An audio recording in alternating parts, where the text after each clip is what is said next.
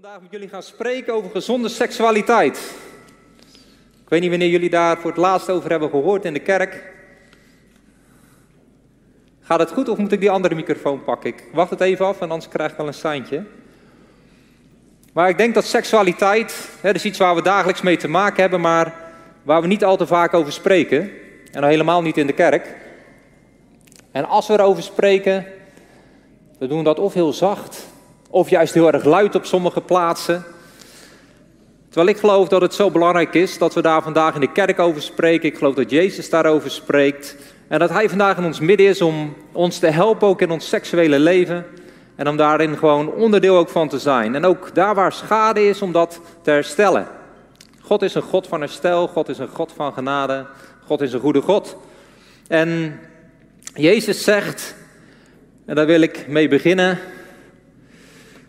als u in mijn woord blijft, bent u werkelijk mijn discipelen en u zult de waarheid kennen en de waarheid zal u vrijmaken. Dus het gaat om het in zijn woord blijven, een relatie hebben met Jezus, het levende woord. Maar van daaruit ook zijn waarheid leren kennen. En dat woord kennen, dat is wel een toepasselijke term vandaag, dat is gemeenschap hebben. Het heeft te maken met dat je echt één wordt met het woord. Niet iets wat je nu even hoort en dan weer naast je neerlegt, maar iets wat onderdeel is van je leven. En de Bijbel belooft hier en zegt hier gewoon op het moment dat het woord die plaats heeft in je leven, die autoriteit heeft in je leven, dan zal je merken dat het gevolg automatisch is dat je wordt vrijgemaakt. Dat je vrij wordt.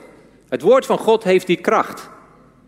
En vandaag zijn we in dat woord van God en als je overgeeft aan het woord van God, je wil naar het woord van God leven, dan zal dat woord je vrijmaken heb je geen sessies voor nodig, hoeven geen honderden uren met andere mensen in te zitten. Het woord van God heeft de kracht om jou vrij te maken. Het woord van God is enorm krachtig. En daarom wil ik ook geloven, en geloof ik ook, dat puur al het feit dat we vandaag over seksualiteit gaan spreken met elkaar, dat daarin de kracht is om ook op dat gebied vrij te zijn. Om op dat gebied te ervaren dat daar overvloed in is, om te ervaren dat God daarin is. En wat er ook in je leven heeft plaatsgevonden, dat het woord van God kracht heeft om daar genade in te brengen, om daar heling in te brengen. En even één punt. Ik zie aardig wat mensen hier ook zitten die ouders zijn. Als ouder, spreek over seks met je kinderen. Dat en ik geven een opvoedcursus op het moment en we hebben wat filmpjes opgenomen. En één daarvan gaat over seksuele opvoeding. En we lazen een boekje en daar stond in het principe van de first mention. Dus het principe van wat je als eerste hoort. En wat je als eerste hoort, daar filter je al het andere doorheen. Dus op het moment dat onze kinderen van ons het gezonde plaatje over seks horen, dan filteren ze alles wat ze over seks te horen krijgen door datgene wat het fundament heeft gezet. Op het moment dat wij als ouders nalaten om dat gezonde plaatje neer te leggen, een eerste ervaring is een negatieve ervaring, of is pornografisch beeld, dan zal dat zijn waardoor ze een filter gaan hebben over hoe ze naar seks kijken. En daarom is het zo belangrijk dat wij het voorrecht hebben om onze kinderen al jong te kunnen bespreken over seks. En dat filmpje, dat zullen ik nog wel een keer even openbaar maken. voor elke leeftijd is er iets gepast. Maar als ouders, wees niet bang om dit onderwerp te bespreken, om daar open over te zijn en daarin ook een gezonde lijn neer te leggen, een gezonde kijk op seksualiteit neer te leggen. En we hebben ook een live groep, volgens mij eh, Moms United of ik weet niet, maar het is ook goed om als ouders ook met elkaar te spreken in verband van hé, hoe doe jij dat? Het kan best iets moeilijk zijn, ook als je het zelf moeilijk vindt om over seks te spreken, om dat dan opeens met je kinderen te gaan spreken. En als jij heel ongemakkelijk bent, dan is het eerste wat je kinderen het gevoel hebben bij seks is, oh, dat is ongemakkelijk.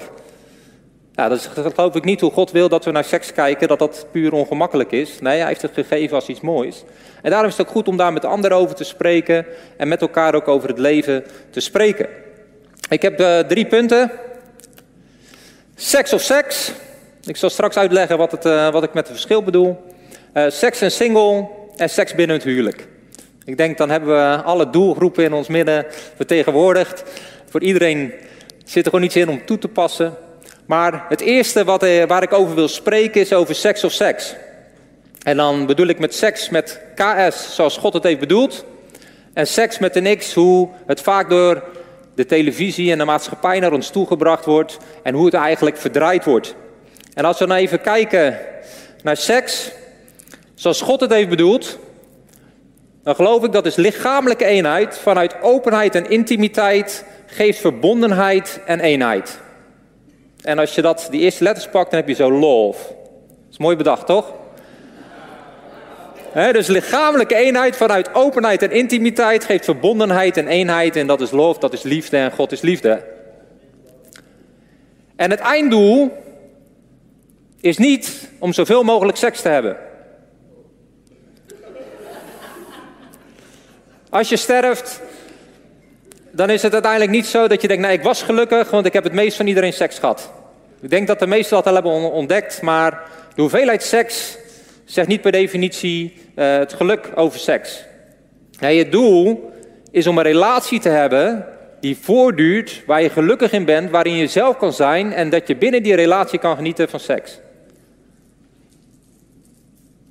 En we gaan het straks nog wel hebben over de frequentie. Dat komt bij binnen het huwelijk. Maar wat je zal merken is dat seks door God bedacht is en alles wat God bedenkt is geweldig. Dus God heeft het als iets geweldigs bedacht. Even voor de mensen die daar misschien moeite mee hebben, maar seks was er al voor de zondeval. Dus seks was bedacht door God, hadden Adam en Eva al voordat de zondeval kwam, dus seks is goed. We maken er soms iets heel lelijks van, maar dit is iets heel moois. Het is eigenlijk een cadeau wat God aan de mens heeft gegeven. Nou, als we dan kijken naar seks met een X, wat de duivel ervan heeft gemaakt, wat er verdraaiing heeft plaatsgevonden en wat we er eigenlijk mee overspoeld worden tegenwoordig, dat is lichamelijke eenheid vanuit egoïstische motieven en dat geeft schaamte en tijdelijke bevrediging. En als je dan weer gaat kijken, dan heb je lust. Liefde, lust, ja. Er is over nagedacht. Maar hier worden we mee overspoeld in de maatschappij. Overal waar je eigenlijk seks tegenkomt, is het seks met een X. Heeft alleen maar te maken met zo vaak mogelijk, zo gek mogelijk, zoveel mogelijk. En voornamelijk met dat jij er toch blij van wordt en dat egoïstische motief, motief dat staat centraal. En eigenlijk vanuit de gedachte dat we echt gelukkig gaan zijn als we maar veel seks hebben, als dat maar in ons leven is. Alleen, ik heb inmiddels genoeg verhalen gehoord en ook onderzoek laat genoeg cijfers zien dat deze manier van seks uiteindelijk alleen maar leidt tot schaamte, tot tijdelijke bevrediging, tot leegheid, tot depressiviteit en tot leed. En ik geloof daarom dat het zo goed is dat we er in de kerk ook over spreken. Want als we gewoon even de cijfers ook uit de maatschappij pakken, dan blijkt dat inmiddels 67% van de jonge volwassen mannen en 49% van de jong volwassen vrouwen vindt dat pornografie acceptabel is. Dus dat het onderdeel is, dat het niet schadelijk is om daarmee bezig te zijn. Terwijl heel veel huwelijken hebben te lijden onder pornografie, wat is binnengekomen in een relatie of waar iemand zich aan heeft overgegeven en waar iemand moeite mee heeft om van los te komen. Me Too, ik denk dat de meesten van jullie ook dat nog kennen.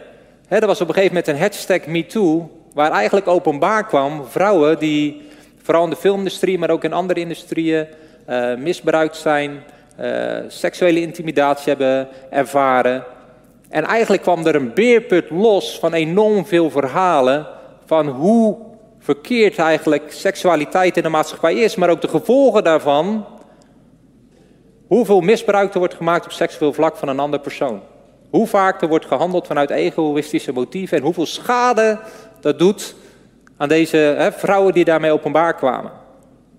En aan de ene kant waren we geschokt,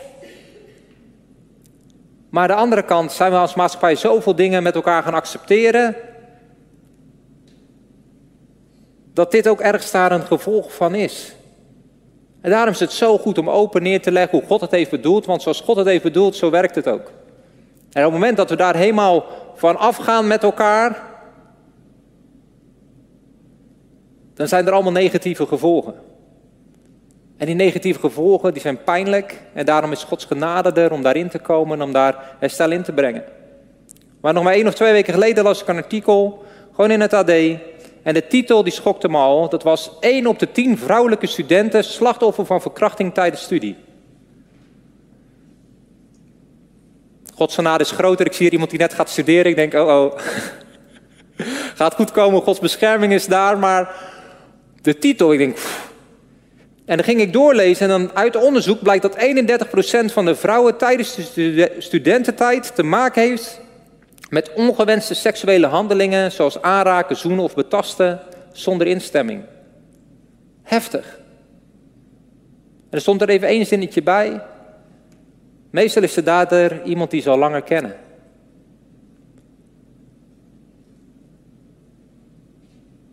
Ik geloof dat we seksualiteit zo zijn afgedwaald vanaf hoe God het heeft bedoeld, dat dit blijkbaar voorkomt en op deze schaal voor kan komen.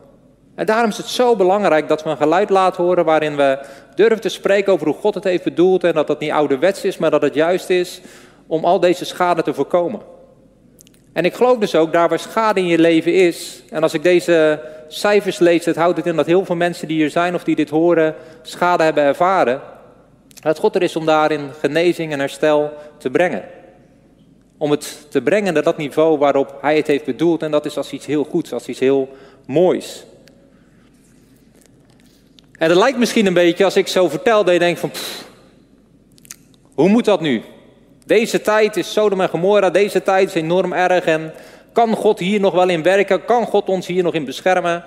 Nou ja, aan de ene kant de geruststelling, aan de andere kant niet, maar in de Romeinse tijd was het even erg. En ook in de tijd van Salomo was dat al volop aanwezig. In Spreuken 5 tot met 7 gaat het allemaal over de vreemde vrouw en dat gaat eigenlijk over de seks met een X. En ik haal er even eentje uit uit Spreuken 6, vers 32. Wie met een vrouw overspel pleegt, is zonder verstand. Wie dat doet, richt zijn ziel te gronden. Er is duidelijk gemaakt van, dat heeft negatieve effecten. Dat doet iets met je persoon. Niet alleen iets met je lichaam, maar doet iets met je persoon. En de verleidingen zijn dus in die zin van alle tijden.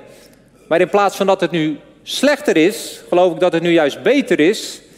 Waarom? Omdat in 1 Johannes 4, vers 4 staat: Lieve kinderen, u bent uit God en u hebt hen overwonnen, want Hij die in u is, Jezus, is groter dan Hij die in de wereld is.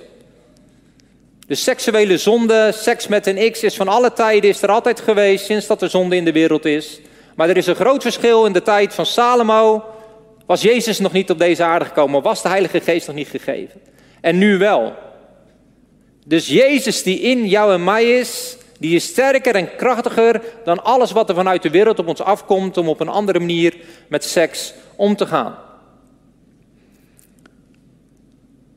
En daarom is het zo belangrijk dat we in de kerk over seks spreken en dat we ook met Jezus over seks spreken. Dat we ook Hem in onze relatie en in onze seksualiteit uitnodigen en daar ook met God dus over spreken. En ik wil nog één ding uh, bij dit punt vertellen voordat we naar seks en single gaan.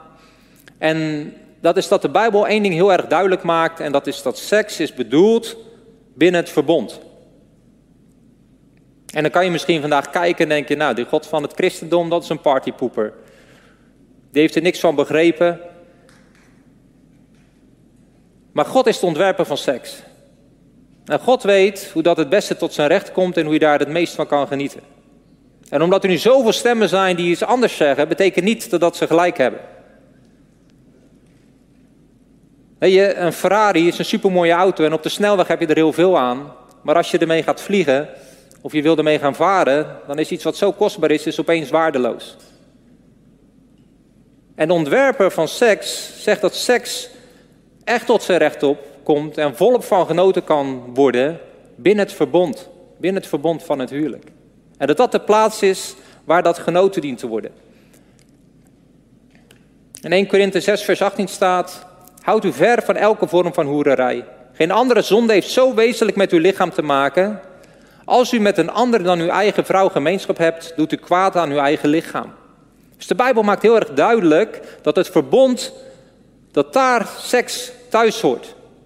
Niet omdat God ons geen seks gunt, maar omdat God ons seks met een K gunt in plaats van met een X. God wil ons beschermen. God heeft iets zo kostbaars gemaakt en iets wat kostbaar is, dat bescherm je. En hij heeft de bescherming gemaakt om te zeggen dat moet binnen een verbond. Het is zo kostbaar, het is zo fragiel, het is zo kwetsbaar. Dit moet beschermd worden met het krachtigste wat er is, en dat is een verbond. En binnen dat verbond kan er volop van genoten worden. En buiten dat verbond heeft het vaak juist een negatief effect. En dat is het. Op het moment dat we seks hebben, dan worden we lichamelijk één. Maar er gebeurt ook iets in onze ziel en er gebeurt iets in onze geest. En daarom bestaat er ook niet zoiets als gewoon seks hebben. Gewoon even een one-night stand hebben. Dat soort dingen bestaan niet. Er blijft altijd iets van je achter van het moment dat je echt één wordt met de persoon. Als het ware blijft er een stukje van die persoon in jou achter en blijft er een stukje van jou in die persoon achter. En in plaats van dat je krachtiger wordt in je identiteit, brokkelt je identiteit langzaam af hoe vaker je gemeenschap hebt buiten het verbond van het huwelijk. En de Bijbel zegt het eigenlijk zo. In het huwelijk word je één vlees, heb je gemeenschap, heb je seks onder Gods zegen. En dan is het fantastisch. Buiten het huwelijk word je één vlees zonder Gods zegen. En iets onder Gods zegen is zo en zoveel beter dan iets zonder Gods zegen. En daarom hebben wij allemaal een vrije keus. Kunnen we zelf kiezen hoe we daarmee omgaan. Als je single bent, je bent nog niet getrouwd, kan je zelf kiezen op welk moment je seksueel actief wil zijn. Maar ik zeg je dat God geen partypoeper is, maar dat God het beste met je voor heeft. En dat Hij heeft bedacht als ontwerper dat jij het meest van seks gaat genieten gedurende je hele leven op het moment dat je het bewaart tot het huwelijk. En dat is een belofte van Hem. En op het moment dat je seks buiten het huwelijk hebt, dan zal je merken, wat ik net al zei, dat er toch ergens een zielband ontstaat. En daarna kan je die persoon misschien nooit meer zien, maar toch, en ik geloof dat er een aantal mensen zijn die dit ervaren, ervaar je nog steeds negatieve gevolgen van dat je één bent geweest met iemand. Want je hebt daar een stukje legale grond gegeven. Je hebt daar iemand letterlijk en figuurlijk in je laten komen. Of één mee ben je daarmee geworden. Waardoor iets in je leven is aangetast. En een aantal gevolgen die ik toch even wil noemen. Omdat ik geloof dat er mensen zijn die dit herkennen in hun leven. En vastlopen en niet weten waar daar de wortel van ligt. Het kan zijn dat je doordat je een zielsband hebt met iemand waar je in het verleden mee naar bed bent geweest. Dat je misschien nog steeds in de relatie zit met fysiek en of emotioneel of geestelijk misbruik, maar je hebt het gevoel te verbonden te zijn aan die ander, waardoor je weigert om eigenlijk de relatie op te geven. Terwijl je weet diep van binnen dat dit niet de persoon is die God voor je heeft bedoeld. Maar omdat je al met elkaar naar bed bent geweest, zit je vast. Maar ik zeg je vandaag, wil God je daarvan losmaken. Omdat je voor de rest van je toekomst de juiste partner kan kiezen. Het kan ook zijn dat je dit in het verleden hebt meegemaakt. Je hebt misschien nooit aan je partner verteld dat je voor het huwelijk al met iemand anders een keer naar bed bent geweest. En toch ben je dus, ook al ben je inmiddels met een ander getrouwd, nog steeds emotioneel wel verbonden met die andere persoon. En soms denk je aan die persoon, soms fantaseer je over die persoon, soms kan je zelfs vrijen met je partner en nog steeds aan die andere persoon denken. En ik geloof ook vandaag dat God heel duidelijk wil zeggen dat hij je daar vrij van wil maken. Maar dat gaat niet zomaar. Dat is dus een zielspand die is ontstaan, waarvan de Bijbel zegt dat het heel belangrijk is dat je die weer loskoppelt. En al regelmatig hebben Daphne en ik gewoon met mensen gebeden waarbij iemand open kwam, dat dat was gebeurd in het leven en waar we echt dat moment mochten bidden en dat gewoon los mochten maken. En iemand was weer vrij van die seksuele relatie die daarvoor was geweest. Weer vrij van de dingen die ik net noemde. En ik geloof ook dat ook vandaag Jezus hier in ons midden is. En ik wil je ook aanmoedigen als je een van deze dingen herkent in je leven, om na de dienst, als de livestream uit is, gewoon even naar voren komen en door een koppel voor je te laten bidden. Of door iemand van hetzelfde geslacht. Als het om seksuele dingen gaat, is het zo belangrijk dat we dat niet gaan mengen, maar dat we man voor man laten bidden, vrouw voor vrouw of een koppel voor iemand. Maar of je nou hier bent of in de blok na de dienst, zoek mensen op om dat los te bidden. Opdat je weer vrij bent en gewoon echt weer jezelf kan zijn. En als het niet iemand is van een ministry team, zoek dan mensen op die je vertrouwt om daarmee dit te bespreken. Ik geloof dat het belangrijk was dat dat gezegd werd, maar nu gaan we door naar het leuke gedeelte. Uh, laten we die nog wel even staan. Maar we gaan naar seksualiteit en single, seks en single. En als je verlangt naar een partner, is dat heel gezond en is dat heel normaal. En we gaan straks ook een tekst lezen waarin we zien dat God dat al in Adam legt. Maar voordat we daar dieper op ingaan, wil ik zeggen dat het ook helemaal niet abnormaal is om single te zijn en daar heb je mee te zijn. God kan helemaal tot zijn doel komen in je leven. Volgens Paulus, eh, Paulus zelfs beter tot je doel komen in je leven op het moment dat je single bent. We hebben een keer een test gedaan en daar had je zelfs de gave van vrijgezel zijn. En Daphne scoorde geloof ik 90% of zo. Dus Daphne staat heel erg goed in. Maar ze zit toch de rest van haar leven met mij uh, opgescheept. Maar het is een gave op het moment dat je dat kan. En dat is dus niet iets waar we op neer moeten kijken. soms kan er een cultuur zijn, en helemaal binnen de kerk, dat er een cultuur ontstaat van je bent pas volwaardig of je telt pas volwaardig mee als je een partner hebt. Ja, onzin. Dikke, dikke onzin. Hebben een relatie met God. God heeft een bestemming over je leven en die kan je volwaardig leven zonder dat je getrouwd bent of een partner hebt. Paulus een van de grootste voorbeelden uit de Bijbel, koos er bewust voor om vrijgezel te blijven omdat hij dan God beter kon dienen. Lees 1 Korinthe 7, vers 7 maar. Jezus, die we aanbidden, is als maagd gestorven. Single zijn is niet iets wat niet goed is. Single zijn is hartstikke prima. En in je relatie met God en met anderen, en daar komen we straks op, kan je gewoon een volwaardig leven leiden. Ik geloof dat we allemaal intieme relaties nodig hebben in ons leven, maar niet dat dat per definitie seksuele relaties hoeven te zijn of dat dat dus een huwelijk hoeft te zijn. Nou, voor de singles die graag een partner willen, wil ik graag lezen 1, of eh, Genesis 2 vanaf vers 18. En het is zo mooi om te zien hoe God met Adam het proces gaat om van single zijn tot een partner te komen. En ik begin in vers 18 te lezen. En de Heere God zeide, het is niet goed dat de mens alleen zij. Ik zal hem een hulp maken die bij hem past. En de Heere God formeerde uit de aardbodem al het gedierte des velds en al het gevogelte des hemels. Ook bracht hij het tot de mens om te zien hoe deze het noemen zou. En zoals de mens elk levend wezen noemen zou, zo zou het heten. En de mens gaf naam aan al het vee, aan het gevogelte des hemels en al het gedierte des velds. Maar voor zichzelf vond hij geen hulp die bij hem paste. Toen deed de Heere God een diepe slaap op de mens vallen. En terwijl deze sliep, nam hij een van zijn ribben en sloot haar plaats toe met vlees. En de Heere God bouwde de rib die hij uit de mens genomen had, tot een vrouw. En hij bracht haar tot de mens. Toen zeide de mens, dit is nu eindelijk been van mijn gebeente en vlees van mijn vlees.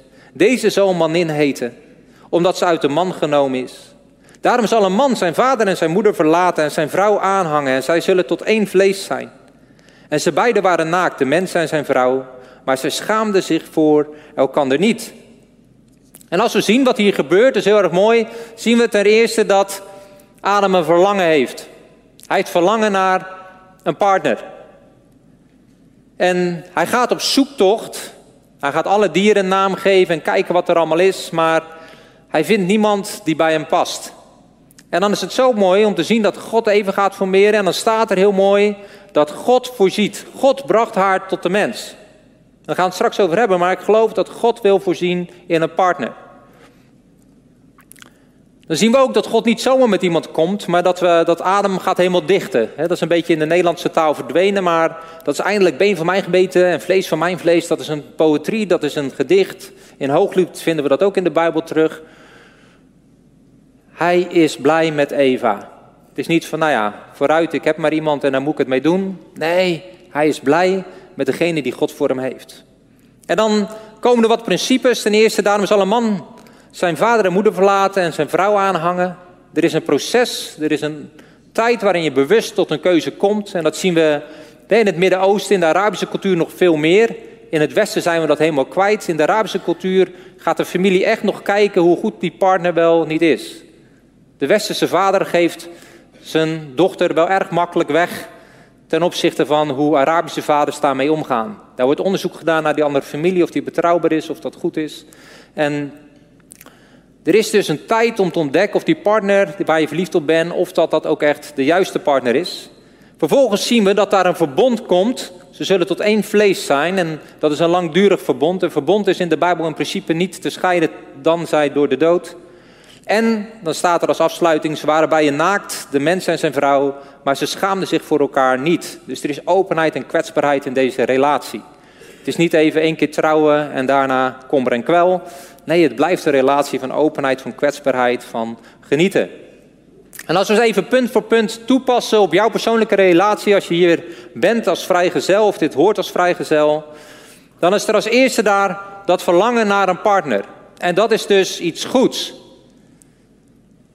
Nogmaals, vrijgezel zijn is helemaal super, maar als je dat verlangen hebt naar iemand, is dat een goed verlangen. En ik geloof hè, dat de Bijbel hier zegt, daar wil ik even op inhaken, het is niet goed dat de mens alleen zij. Soms als christenen kunnen we doen dat, oh, ik heb een relatie met God, dus alles is geweldig. Maar dat we buiten onze relatie met God, God het in ons heeft gelegd dat we intieme relaties hebben met anderen. En dat hoeft geen huwelijk te zijn, het hoeft geen seksuele relatie te zijn. Maar het is wel belangrijk dat het naast onze relatie met God we ook andere mensen hebben die ons kennen, die ons echt kennen, die echt weten hoe het met ons gaat en die, dat die intieme relaties er zijn. En de Bijbel maakt er zelfs een onderscheid in dat het belangrijk is om niet alleen vrienden te hebben die God niet kennen, maar ook mensen te hebben die ook die relatie hebben met God. En we hebben hier live groeps in de gemeente waarin ook dat juist het doel is dat je samenkomt en elkaars leven deelt. 4b is meer gericht dat je ook echt iets met elkaar leert, maar het is niet alleen belangrijk om met elkaar de Bijbel te kennen, maar ook het leven met elkaar te delen. En daar is dat juist die plaats voor. dus heb je geen mensen in je leven met wie je echt kan delen hoe het met je gaat, dan geloof ik echt dat God wil voorzien in een stukje vriendschappen. Maar ook live zijn daar ook voor om echt in contact te zijn met anderen. En om wat ja, meer te kunnen spreken dan over wat het Nederlands elftal vanavond gaat doen of wat het weer is. Dat je echt op een ander niveau komt om te spreken over je hart. God heeft die behoefte in je gelegd. Maar even terug naar de tekst. We zien dat God zegt, dit is niet goed en ik ga iemand maken die bij hem past. En Adam die gaat alle dieren naam geven en die komt tot de conclusie, dit past niet bij mij. Maar er is daar dat verlangen en dat verlangen is niet alleen om iemand te hebben om samen mee te bidden, maar ook om samen mee te vrijen. soms kunnen de kerk doen van ja, de ideale partner is degene met wie je kan bidden. Maar als dat vervolgens iemand is waar je niet aan moet denken om s'nachts naast te liggen of seks mee te hebben, dan is dat niet de partner voor jou. Aantrekkingskracht is ook een belangrijk iets. De wereld maakt dat het enigste, en dat is het niet. Maar het is wel een belangrijk onderdeel van een gezond huwelijk. En daarom is het belangrijk als je iemand tegenkomt, dat je niet alleen denkt van God, dat is de geweldigste christen die er is, maar dat je ook denkt, hé, hey, dat is een persoon waar ik graag mee wil zijn en daarnaast is ook iemand waar ik graag mee zou willen vrijen. Al die drie dingen die zijn nodig. En dat we ergens in onze puberteit hormonen zich zo ontwikkelen dat we verlangen krijgen naar seks, dat heeft God zo gemaakt.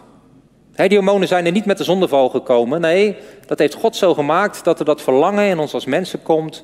Ook een seksueel verlangen om met iemand een seksuele relatie te hebben. Alleen de Bijbel leert heel duidelijk dat dat wat kostbaar is. Dat je daarvoor moet vechten, dat je dat moet bewaken en dat je dat bewaart tot het huwelijk. Maar het is een goed verlangen. We zijn bedoeld om zowel geestelijk één te worden, lichamelijk één te worden, als één van ziel te zijn binnen het huwelijk. En de maatschappij die verdraait dat en die zegt eigenlijk van, goh, als je maar aantrekkingskracht hebt, dan is het geweldig. Nou, het kan zijn dat twee maanden, zes maanden, een jaar de vlammen ervan afspatten. Alleen daarna zie je het helaas ook heel vaak weer fout gaan en blijven mensen met meer gebrokenheid achter dan die hoogtepunten die ze hebben beleefd. En soms worden in de, in de filmindustrie wordt een beetje het langdurige huwelijk uh, een beetje ondergewaardeerd en alleen maar als een sleur weggezet. Terwijl ik geloof, juist in die langdurige relaties kan je seks, seks het beste beleven, komt het het best tot zijn recht, voel je het veiligst en kan je er ook het meest van genieten dan die uh, korte, opwindende avonturen die je beleeft, waarna je eigenlijk daarna weer leeg achterblijft om weer de volgende prikkel op te zoeken. Dat is iets wat op lange termijn je niet gelukkig gaat maken. En we zien het woord helper, wil ik toch kort wat over zeggen. Soms wordt het heel negatief neergezegd, terwijl in de Bijbel is de helper iets heel positiefs. De Heilige Geest wordt onze helper genoemd. Jezus kwam om te helpen.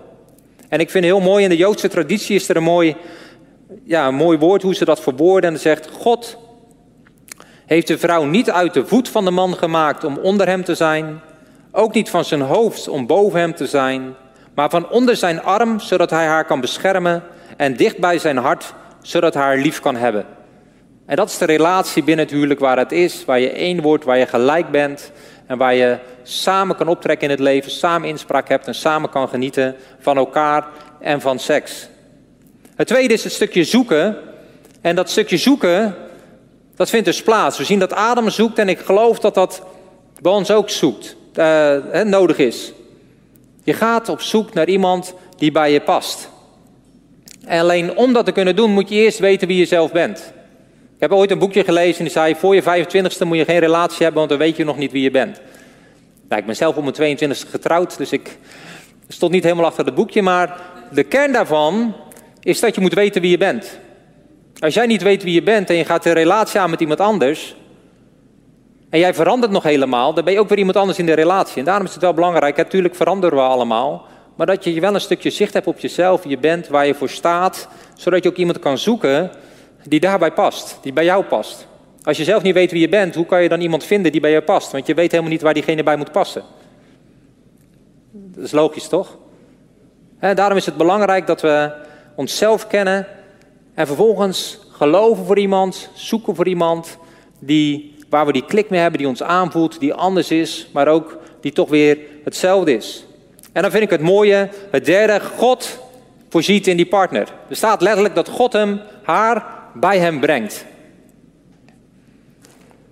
En in mijn hoofd ging dat helemaal fout. Ik wilde graag een partner en ik ben uh, nogal wiskundig aangelegd. En ik had een beetje een kansberekening gedaan. Ik dacht, ik wil graag een leuke meid. 1% van de meisjes is christen. 0,1% van de leuke meisjes is christen. Sorry, uh, dat was hoe ik toen dacht. En ik zei dus tegen God, ja, die kans van één op een... Ik kan beter een relatie aangaan met iemand die niet gelooft en die vervolgens christen wordt. Dan heb ik meer kans om een leuke uit te zoeken dan andersom. En dat was wel leuk, ik had zo'n gesprekje met God daarover. Ja, ik, ik, was nog jong, ik weet de leeftijd niet meer. En ik had hier dat God zei... De kans dat jij die speld in die hooiberg gaat vinden, Maarten, die is enorm klein. Die kans is kleiner dan 0,1 procent. De kans dat ik die speld in de hooiberg gaat vinden, als alwetende, almachtende God, is aanzienlijk hoger, die is 100%. Dus wil je nou mij vertrouwen dat ik de juiste partner voor je heb, of ga je zelf op zoek? Aan jou de keus. Nou, toen heb ik me overgegeven. En heeft God die speld in de hooiberg voor mij gevonden. Prijs God. Maar vertrouw je daarin God? Doe je aan kansberekening? Ben je bang om over te schieten? Ben je bang om alleen te blijven? Wil je zelfs concessies doen? aan iemand dat je eigenlijk weet van de rest van het leven is wel erg lang. Maar laten we toch maar proberen. Het verbond is te belangrijk om op die manier een huwelijk in te stappen. Te belangrijk. Om zomaar jezelf over te geven aan een ander. Vertrouw God dat hij iemand heeft die echt bij je past. En dat is dus het mooie, hè? dat God voorziet in overvloed. En ik hoop als je naar je partner links of rechts van je kijkt, dat je dan denkt, overvloed. Dat je jaarthema elke keer als je aan je huwelijk denkt, dat je denkt aan het jaarthema. Wauw, wat een overvloedig leven. ze zeggen dat je 40 uur op je werk bent, maar ik heb gemerkt, je kan 40 uur werken, maar als het thuis niet gezellig is, dan, heb je daar, dan kan je daar nog de meeste van de tijd zitten, maar dan neem je mee. Nou, het is zo belangrijk dat je thuis een relatie hebt waar je veilig voelt, waar je zelf kan zijn. En dat is soms hard werken, maar dat is wel het knokken waard. En die relatie wil God. En het is daarom dus belangrijk dat we niet genoegen gaan nemen. Nu spreek ik even ook tot de wat jongeren, of misschien juist als je ouder bent, genoegen te gaan nemen met middelmaat. Daphne was 27 toen ze mij tegenkwam en voor die tijd had ze nog nooit een vriendje gehad. En dat vond iedereen toen al heel oud. En die kreeg dus al vanaf haar 22ste elke keer maar te horen: Heb je nou nog niemand? En uiteindelijk, de laatste jaren, kreeg ze zelfs te horen: Je bent te kritisch. Nou ja, uiteindelijk is ze met mij getrouwd, dus hoe kritisch ze is geweest, dat laat ik aan jullie over. In haar gevoel heeft ze niet de standaard verlaagd, maar heeft God voorzien omdat ze juist wachten. Nogmaals, daar mag iedereen zijn mening over hebben, maar het is goed om God te geloven voor meer dan middelmaat. Om God te geloven voor overvloed en daar geen concessies aan te doen. De rest van je leven is lang. Daarom kan je beter, voordat je getrouwd bent, de goede keuze maken dan in je huwelijk heel veel effort moeten steken om het goed te maken. Als je eenmaal getrouwd bent, zeg ik nu, no way out. Je moet ervoor gaan, je hebt er zelf voor gekozen. Maar als je nog vrijgezel bent, zeg ik dus, als je nou aan de voorkant al die bar wat hoger zet, wordt het daarna veel makkelijker. Dus neem die tip ter harte. Bij de jeugd heb ik dit ook al verteld hoor. Dus ouders, dit hoort dus niet voor de eerste keer, maar ik kan er een keer op terugkomen. En de Bijbel staat heel duidelijk over. Je kan beter vrijgezel zijn dan getrouwd met. Nou, in dit geval gaat het dan over de vrouw. Hè. Dan wordt er gezegd: je kan beter ergens op een dak wonen. dan dat je met een vrouw waar je het absoluut niet mee samen te leven valt onder één dak woont. En waar het dus eigenlijk om gaat is van single zijn is vele malen beter dan in een huwelijk te zitten wat niet werkt. En ik denk dat we dat met elkaar kunnen beamen. Maar God wil dus iets geven waar je echt blij van bent. Adam is enorm blij met Eva. En dat is niet iets wat je 24 uur per dag, 7 dagen in de week zo ervaart. Ik denk dat we dat sprookje gelijk de wereld uit moeten helpen. Er is hier niemand die, nou, ik denk al langer dan drie jaar getrouwd is of een jaar. En die zegt het is alleen maar super. Maar ik geloof wel dat met God het mogelijk is om nou, in ons geval na 15 jaar, in anderen al na 50 jaar of na 60 jaar te kunnen zeggen, als ik erop terugkijk, dan kijk ik er met dankbaarheid op terug, dan kijk ik er met tevredenheid op terug, dan kijk ik naar overvloed. En ook in die momenten dat het minder was, heb ik zoveel geleerd, ben ik meer op Jezus gaan lijken en is het de moeite waard geweest. En daarom is het zo belangrijk dat we daar ook voor willen knokken. Omdat het de moeite waard is. Niet wat echt de moeite waard is, is zomaar goedkoop. Ik sprak op de tennis nog iemand en uh, die zijn zoontje dacht heel snel geld te maken. En die had stiekem al zijn spaargeld had die Pokémon kaartjes van gekocht. Want het blijkt dat je met Pokémon kaartjes uh, enorme geld kan verdienen. En één kaartje voor 250 euro kan verkopen. Dus ja, die pa die kwam erachter dat hij zijn geld zo had weggegeven. En die heeft zelf een accountancy achtergrond. Dus die ging één ding heeft hij zijn zoon gelijk geleerd. Hij moest allemaal klussen gaan doen totdat hij dat geld weer had verdiend. Wat hij kwijt was. En het tweede was, er bestaat niet zoiets als snel geld dan zou iedereen het wel doen. Als het zo makkelijk was om zoveel geld snel te maken, dan zou iedereen het wel doen. Met andere woorden, wil je echt langdurig geld kunnen verdienen, dan zou je iets moeten leren. Nou, dat is hetzelfde met dit soort principes. Iets wat echt kostbaar is, en je seksualiteit is kostbaar, dat kost kracht om dat te bewaren. Je huwelijk is kostbaar, dat houdt dus per definitie al in dat het bloed, zweet en tranen kost om dat goed te houden. Dat je daarvoor inspanning nodig hebt. Het is niet iets wat zomaar komt. Niks wat echt de moeite waard is, komt zomaar. Nou, we zien vervolgens dat ze met elkaar trouwen, dat ze één vlees zijn, dat ze genieten van een seksuele relatie, dat ze daar open in zijn, dat er geen schaamte is en dat is hoe God het heeft bedoeld. En daar gaan we straks op terugkomen, maar seksualiteit vindt plaats daar waar een openheid is. Maar wat zo belangrijk is, dus als je single bent, dat je God gelooft voor een goede relatie, dat je ervaart dat God zegt, dat het mogelijk is. En dat is ook even de tekst die ik daar nog bij had. In Hooglied gaat het heel veel over de liefde. En als je dat leest en je kent een beetje die taal, dan is dat een heel erotisch verhaal. Maar dan wordt er continu wel, een paar keer wordt er herhaald, dat u de liefde niet opwekt of aanwakkert voordat het haar behaagt. En dat is dus belangrijk als je verkering hebt. is zo belangrijk om duidelijke afspraken te maken op seksueel vlak. Opdat je elkaar niet verleidt om verder te gaan dan dat de bedoeling is voordat je met elkaar bent getrouwd. Daphne en ik hebben twee jaar, bijna twee jaar verkering gehad. En al voordat we verkering kregen, of net in het begin van onze verkering, heel duidelijk afgesproken op seksueel vlak. Zover kunnen we gaan, zoenen kan wel, dit kan niet. En daar ons gewoon twee jaar aan gehouden, zodat je rein het huwelijk in kan stappen en onder het verbond één kan worden met elkaar. Dat is mogelijk. En dat is ook van deze tijd. En daar is zegen aan verbonden. Een tijdje geleden sprak nog een stelletje dat kwam in een relatie, hadden zich daar niet aan gehouden maar merkte nu ook gewoon in een huwelijk, hey, daar moeten we een stukje in verwerken. Dat heeft een stukje schade gebracht. Dus alles wat God zegt is niet om ons te pesten, maar is juist om ons het beste te geven, want zo is God. Dan wil ik nog afsluiten met seks binnen het huwelijk. Ik geloof dat het ook belangrijk is om daarover te spreken. Het is heel erg makkelijk. De Hollywoodfilms die gaan tot het moment dat ze elkaar hebben en dan stopt de film. Nou, dat zou een preek nu ook een beetje zijn. Nu is het moment van single naar getrouwd. En dan is het allemaal geweldig. Ze leven nog lang en gelukkig. Seks is overvloedig. Nou, ik geloof dat het belangrijk is om ook even het over het huwelijk te hebben, waarin die seks dan wel plaatsvindt. Want ik hoop als je getrouwd bent en het is lichamelijk mogelijk, dat je ook met elkaar een seksuele relatie hebt. Ik geloof dat het Gods bedoeling is. En ik wil lezen uit 1 Korinthe 7 vanuit vers 1 tot vers 6. En dan zegt Paulus, wat nu de dingen betreft waarover u mij geschreven hebt, het is goed voor de mens, voor een mens om geen vrouw aan te raken. He, daar komt hij weer met het punt, single zijn is fantastisch in zijn opinie. Maar laat vanwege allerlei vormen van hoererij iedere man zijn eigen vrouw hebben en iedere vrouw haar eigen man. Laat de man aan zijn vrouw de verschuldigde bereidwilligheid betonen en evenzo ook de vrouw aan haar man. De vrouw heeft niet de beschikking over haar eigen lichaam, maar de man. En evenzo heeft ook de man niet de beschikking over zijn eigen lichaam, maar de vrouw.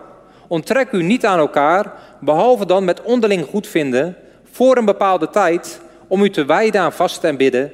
Kom daarna weer bij elkaar, opdat de Satan u niet zal verzoeken, omdat u zich niet kunt onthouden. Dit zeg ik echter als tegemoetkoming, niet als bevel. En dat is wel leuk, hè? Paulus, gemeentestichter, heeft een gemeente gesticht, gaat een brief schrijven over de geestesgaven, over eenheid, over allemaal christelijke principes. En dan komt er een brief terug bij Paulus en de gemeente heeft toch wel wat vragen. En eigenlijk zijn die vragen, hebben niks te maken met al die geestelijke principes, maar die hebben, hoe moeten we nou omgaan met seks? Hoe vaak per maand moeten we nou seks hebben met elkaar? Wat moet ik nou doen als ik wel Gods weg wil gaan, maar ik heb ook verlangens?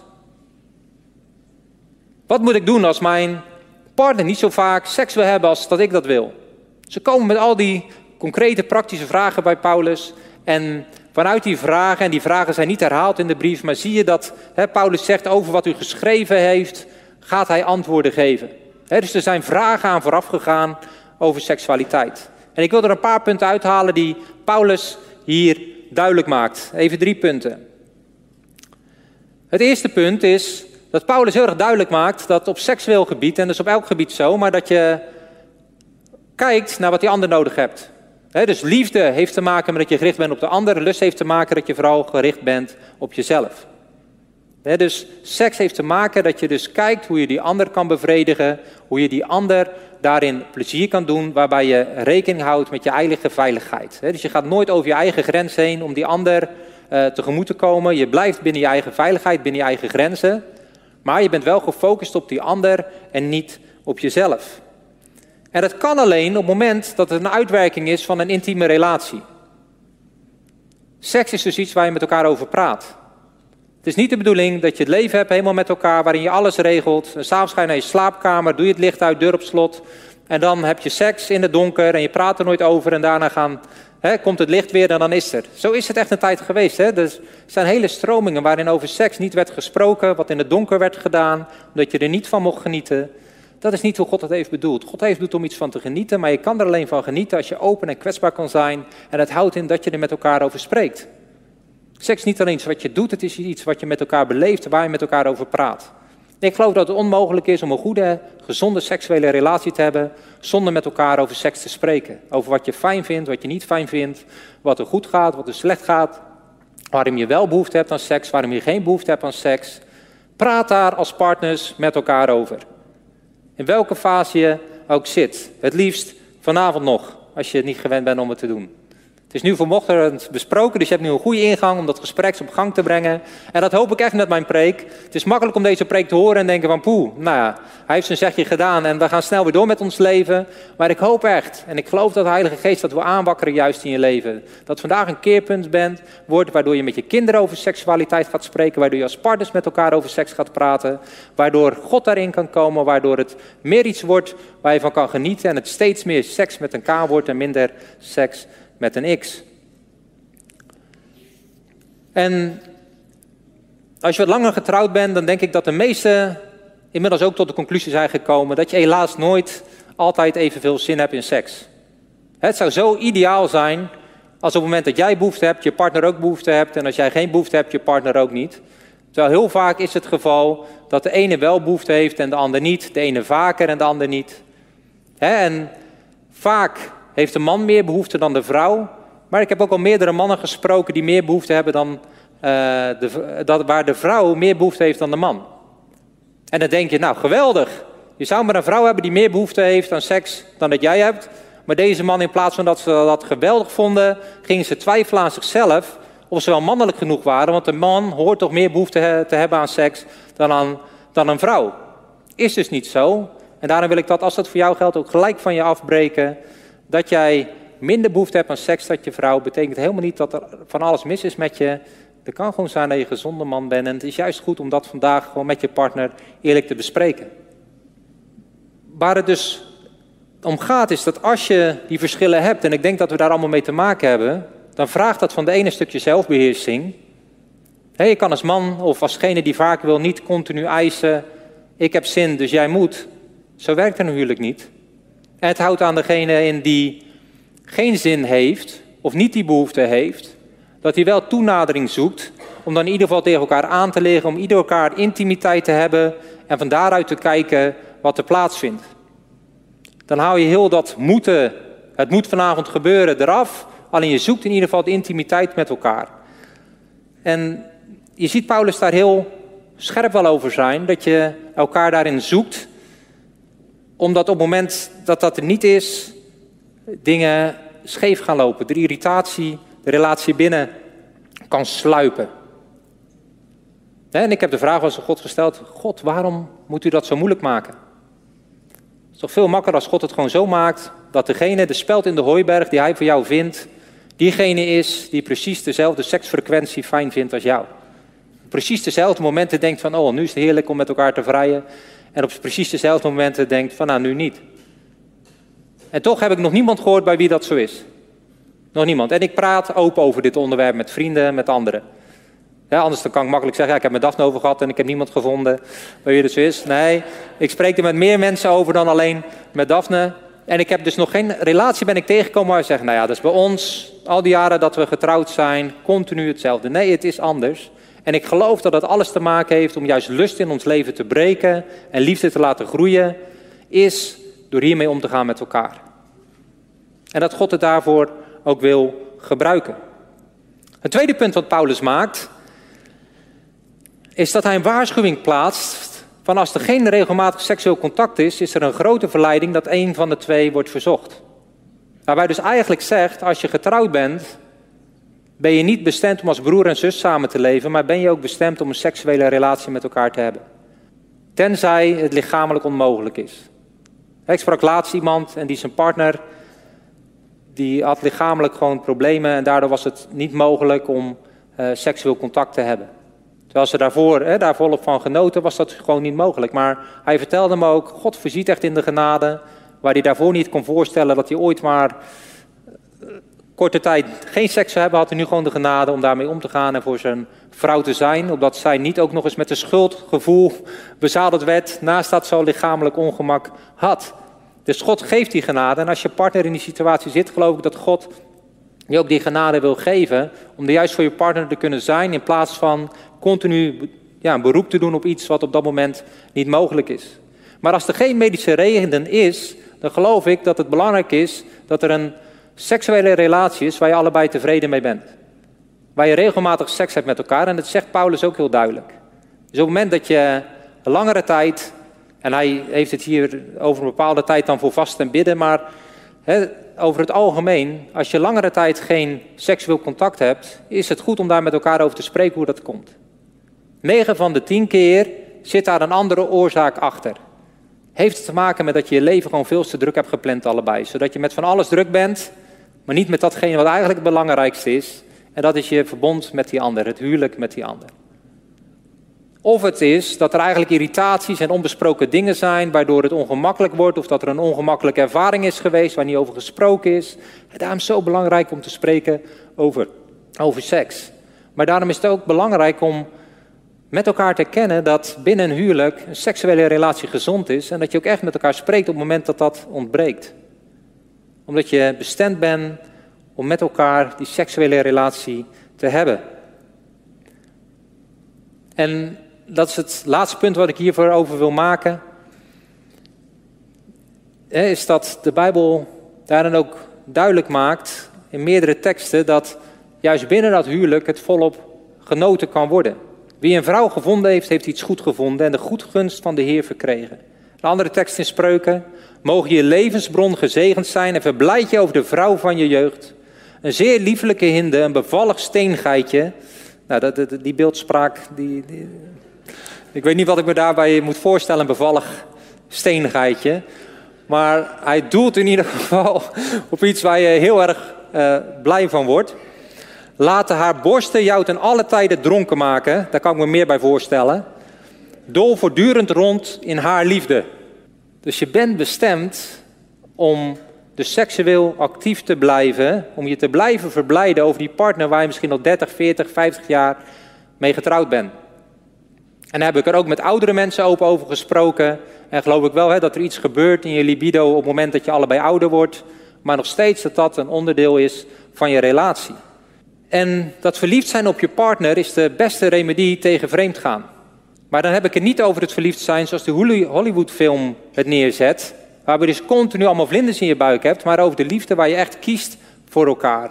Waar je ervoor knokt om dat huwelijk te bewaren. Om echt die intimiteit met elkaar te hebben. Ook op zielsniveau. Van waaruit het ook op lichamelijk niveau plaatsvindt. liefde is daarin een werkwoord. En een goede relatie heeft als overvloed seks. Waar je volop van geniet. Dus als het ware een kerst op de taart. Maar een slechte relatie kan nooit goed gemaakt worden door seks. Als je in je huwelijk je niet veilig voelt of het gaat niet goed in je huwelijk, dan is de oplossing niet om opeens heel vaak met elkaar te gaan vrijen. Nee, dan gaat er juist iets scheef groeien in je relatie, want dan wordt het niet meer iets wat je doet vanuit liefde, vanuit intimiteit, maar eigenlijk iets wat je er over schil overheen legt. En die maatschappelijke druk, die kunnen we soms voelen. Dan denk je, ja, als ik maar een x aantal keer per week, per maand seks heb, dan betekent dat ik een goede relatie heb. Nee, een goede relatie heb je op het moment dat je jezelf kan zijn, dat je verbonden bent, dat je het idee hebt dat je elkaar stimuleert. En daar hoort seksueel contact bij. Maar het is niet zo dat je een slechte relatie goed kan maken met seks. En daarom is het zo belangrijk om aan je relatie zelf te werken. En ik wil de band alvast vragen om naar voren te komen. Wil ik nog één laatste punt hierover maken en dan ga ik naar de afsluiting. En dit is ook iets waar ik toch uh, wil benoemen. En het is dat het kan zijn dat je getrouwd bent, maar dat je opeens gevoelens krijgt voor iemand anders. Opeens zijn er vlinders in je buik bij iemand of je vindt iemand aantrekkelijk. En wat dan? En vaak komt er dan zoveel schaamte dat iemand daar niet over spreekt. Wat belangrijk is, is dat je even gevoelens hebt voor iemand anders. Of er komen opeens vlinders in je buik voor iemand anders. Dat betekent niet dat je de verkeerde persoon bent getrouwd en dat je eigenlijk met die persoon had moeten trouwen. Nee, het is belangrijk om dit direct daarin een stuk afstand te nemen en niet zelf te gaan fantaseren over die persoon, hoe het zou zijn met die persoon. Dan ga je grens over. Dat gevoel wat komt, daar kan je niks aan doen. En ik geloof dat het voor iemand is vandaag. Maar wat je met dat gevoel doet, wel. En wat jij met dat gevoel moet doen, is het zo snel mogelijk in de dood brengen en daar een stuk afstand nemen. En als dat blijft aanhouden, om er open over te zijn met je partner of met iemand anders, opdat het opgeruimd kan worden. Maar als je toch zo ver bent gegaan dat je bent gaan fantaseren over die andere persoon en je hebt het meer ruimte gegeven, dan is het zo belangrijk om daar open over te komen met je partner. Om daar open over te komen naar andere mensen toe. De Bijbel laat keer op keer zien, de geschiedenis laat keer op keer zien, dat hoe mooi het er ook uitziet, dat uiteindelijk het je niet gaat brengen waar je zo naar verlangt. Maar juist in je huwelijk ben je bestemd om allebei te werken, om die intimiteit te voorzien, om in die liefde te voorzien voor elkaar. En ik wil je echt aanmoedigen om daar allebei voor te knokken. Om die relatie te hebben die overvloeit. En dat niet alleen met z'n tweeën te doen, maar dat ook echt samen met God te doen. God wordt niet ongemakkelijk bij het woord seks. Wordt niet ongemakkelijk bij de gedachte dat jullie een seksuele relatie hebben. Hij heeft dat zo bedacht, hij heeft het zo gemaakt. En hij heeft daar zelfs zijn zegen aan gegeven. En dat wil ik gewoon als afsluiting zeggen, waar ik ook mee begon. Ik geloof dat er veel te vaak negatief over seks wordt gesproken. Of dat er niet wordt gesproken over seks. Dat het zo belangrijk is dat we seks vieren. Dat we seks als iets moois zien. Dat we daar open over spreken. met onze partner, open over zijn naar onze kinderen, dat dat een onderdeel is van een relatie, dat het iets moois is wat God heeft bedacht. En als je hier vandaag bent als vrijgezel, dan wil ik je gewoon vragen, wil je God geloven voor een goede partner? Wil je Hem vertrouwen als ontwerper van seks? Dat Hij echt weet wat daar het beste mee is. Dat er geen partypoeper is doordat je het onthouden voordat je trouwt. Maar dat hij het doet omdat hij weet hoe kostbaar het is, hoe kostbaar jouw seksualiteit is, hoe kostbaar jij bent. En hij wil je echt de genade en de kracht geven om daarvoor te knokken, ook als je verkering hebt, om samen het te bewaren voor het huwelijk. En daar waar de schade is, waar seksueel je al verbonden bent geweest met een ander, of je nu in je verkering te ver gaat, wil hij komen met je genade om dat te herstellen. Hij is een herstellende God. Hij is geen veroordelende God. Hij is een God die zegt waar zonde is, waar dingen fout zijn gegaan. Daar is mijn genade altijd groter. En in zijn genade willen we staan en vanuit zijn genade willen we heling verwachten vandaag. En ook als je getrouwd bent, wil ik je echt uitdagen om open met elkaar over seks te spreken. Om je seksualiteit te zegenen, om elkaar seksualiteit te zegenen. Om dat niet een onderwerp te laten zijn wat er maar bij hangt. Want uiteindelijk is het een belangrijk onderdeel van je huwelijk. En zou je merken dat op het moment dat je open bent met elkaar, open over de dingen spreekt, dat gewoon zijn liefde daar doorheen kan stromen. En dat het een enorme toevoeging is aan je leven. Dat het die overvloed is die hij heeft bedoeld. Ik wil gewoon vragen of u allemaal wil gaan staan. Gewoon een moment een zegen bidden. Ja, Heer, ik dank u dat we gewoon met elkaar over seks hebben mogen spreken. En ik dank u, Heer, dat u degene bent die seks heeft uitgevonden, die het heeft bedacht. Die het als cadeau naar ons als mensheid heeft gegeven. Heer, maar u ziet ook de schade die er is geweest en die er op dit moment ook in de wereld is, omdat we er niet mee weten om te gaan, Heer. Heer, maar ik dank u dat ik op dit moment, Heer, gewoon een ieder die hier is en ieder die dit hoort, Heer, Heer mag zegenen. Heer, dat ik iedere seksualiteit mag zegenen. Dat ik elk huwelijk mag zegenen. Elke seksuele relatie binnen die huwelijken, Heer. Op dit moment zegen ik ze in uw almachtige naam. En ik bid, Heer, daar waar dingen in de verborgenheid waren. Heer, waar dingen knaagden in harten, dat vandaag het uw licht erin komt. Heer, dat er vrijheid komt, omdat er openheid komt. Heer, ik zegen voor de vrijgezellen, Heer. Heer, dat ze vol vreugde mogen leven. Ik zegen degenen die op zoek zijn naar een partner. Die zo verlangen ook naar gewoon een verbondshuwelijk, Heer. Een relatie van een verbond en ook een seksueel verlangen hebben, Heer. Heer, ik dank u dat u ze zegent. Heer, ik bid daar waar op dit moment seksueel contact niet mogelijk is, Heer, door ziekte of door mentale toestanden, Heer. Heer, dat u erin komt met uw genade. Heer, dat elk schuldgevoel verdwijnt, Heer, dat open gesprek daar zal zijn. Heer, dat het geen kwestie is van schuld schuiven. Heer, maar van open zijn, intiem zijn, elkaar kennen. Dingen open kunnen bespreken. Heer, ik dank u dat u mensen dichter bij elkaar brengt vandaag. Heer, ik dank u dat u de God van overvloed bent, dat u een goede God bent. En zo zegen ik jullie allemaal in je seksualiteit. In de naam van Jezus. Amen.